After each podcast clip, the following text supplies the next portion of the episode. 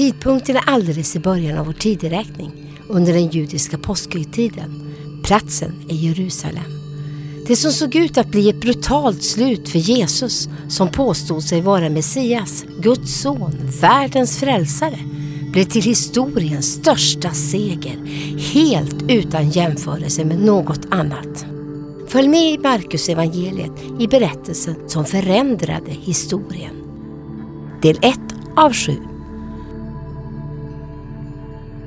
Det var nu två dagar kvar till påsken och det osyrade brödets högtid. Översteprästerna och de skriftlärda sökte efter ett sätt att gripa Jesus med list och döda honom. De sa, inte under högtiden för att det inte ska uppstå oro bland folket. När Jesus var i Betania och låg till bords i Simon den spetälskes hus kom en kvinna som hade en alabasterflaska med dyrbar äkta nardusolja. Hon bröt upp flaskan och hällde oljan över hans huvud. Några blev upprörda och sa Varför detta slöseri med oljan? Den hade man kunnat sälja för mer än 300 denarer och ge åt de fattiga. Och de grälade på henne. Men Jesus sa Låt henne vara. Varför oroar ni henne? Hon har gjort en god gärning mot mig. De fattiga har ni alltid hos er och när ni vill kan ni göra gott mot dem. Men mig har ni inte alltid. Hon har fullgjort sin uppgift. I förväg har hon smort min kropp till begravningen. Amen säger jag er.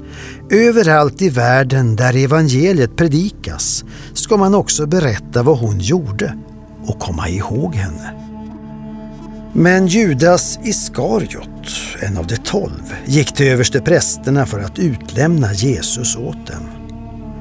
När de hörde det blev de glada och lovade honom en summa pengar. Sedan sökte han efter ett lämpligt tillfälle att förråda honom. På första dagen av det osyrade brödets högtid, när man slaktade påskalammet, frågade hans lärjungar honom. Vart vill du att vi ska gå och ställa i ordning så att vi kan äta påskalammet?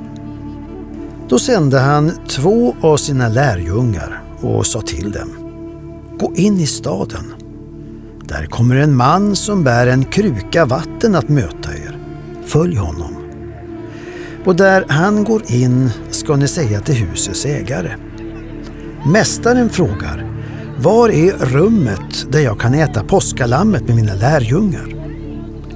Då ska han visa er ett stort rum i övre våningen. Det är i ordningställt och färdigt. Red till åt oss där. Lärjungarna gick och kom in i staden och de fann att det var som Jesus hade sagt dem. Och de redde till påskalammet. När det blev kväll kom Jesus med de tolv Medan de låg till bords och åt sa Jesus. Amen säger jag er. En av er kommer att utlämna mig och han äter med mig. Då blev de bedrövade och frågade honom den ene efter den andre. Inte är det väl jag? Jesus svarade dem. Det är en av er tolv. Den som nu tillsammans med mig doppar i skålen. Ty Människosonen går bort, så som det står skrivet om honom. Men ve den människa som förråder Människosonen. Det hade varit bättre för den människan om hon aldrig hade blivit född.